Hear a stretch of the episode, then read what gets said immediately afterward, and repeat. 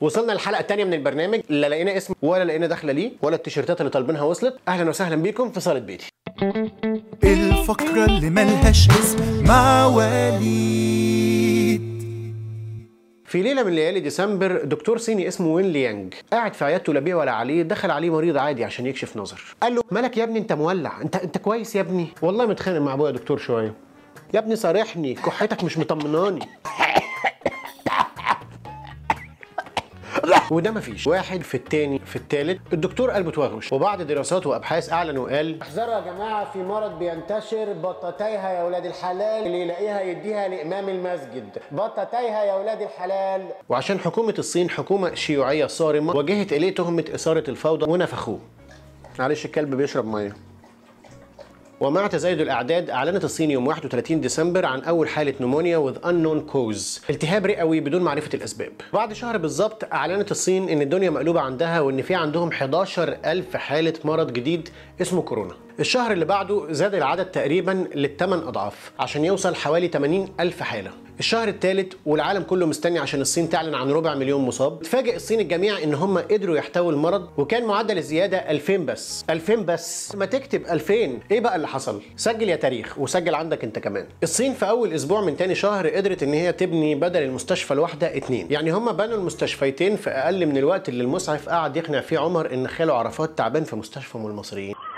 من الجيجي مش بس كده طبقت الصين الأحكام زي الكتاب ما قال. هتنزل الشارع من غير كمامة هتتحاكم. ما عندناش تهريج. لو فكرت تنزل شغلك والحظر موجود هتتحاكم وتترفد. هتنزل كتير هتشتغل كتير وهتترفد. هتنزل نص نص هتشتغل نص نص وهتتجازى ما تنزلش خالص ما تشتغلش خالص وهتترقى. الكورونا دي داخلة علينا دخلت إنك ميت وإنكم محظورون. بينما دول أوروبا وبقية الدول بتتعامل مع المواطن معاملة الأم المثالية. البس الكمامة يا حبيبي البس الكمامة عشان ما تتعديش. البس الكمامة واعمل لك الكيكة اللي بتحبها. والنبي ستي هوم عشان خاطري ستي هوم الصين حلوة وطلعت بجد الصين حلوة. تيجي تبص لينا وللعالم تلاقي حالة من السواد والتشاؤم والخوف وده مبرر للأسف بسبب وجود حالات وفيات كتير. فمن هنا حسيت إن دورنا جه هنا دور الفقرة اللي ملهاش اسم مع وليد جه. هنا دلوقتي. الكورونا مش نهاية العالم. وفي آخر النفق المظلم اللي إحنا فيه ده هتلاقي لمبة نيون متعلقة في stand حديد سرقة كهرباء من ال... كده هنقلش. كده الجد هيبوظ. سنة 1347 انتشر مرض الطاعون في أفريقيا وأسيا والولايات المتحدة الأمريكية. وانتهى سنة 1353 وكانوا فاكرينه نهاية العالم.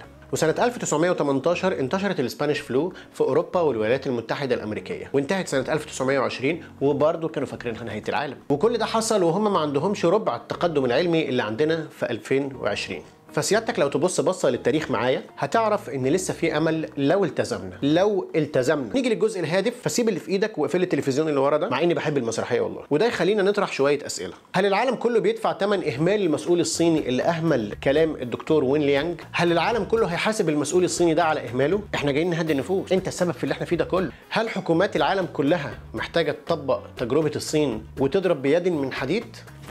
هل العالم كله محتاج يسمعني أكتر من كده وبشكل أقوى من كده؟ وتعمل لي share و subscribe وتنقر الجرس والحاجات اللي بيقولوها دي عشان ما تغلطوش غلطة المسؤول الصيني وتندموا بعد كده ولا هتكرروا الغلطة. خلي بالك أنا بقول حكم. هل بعد الحلقة هتتفائل ولا برضه مفيش فايدة؟ الله يرحمك يا سعد يا زغلول. شكرا.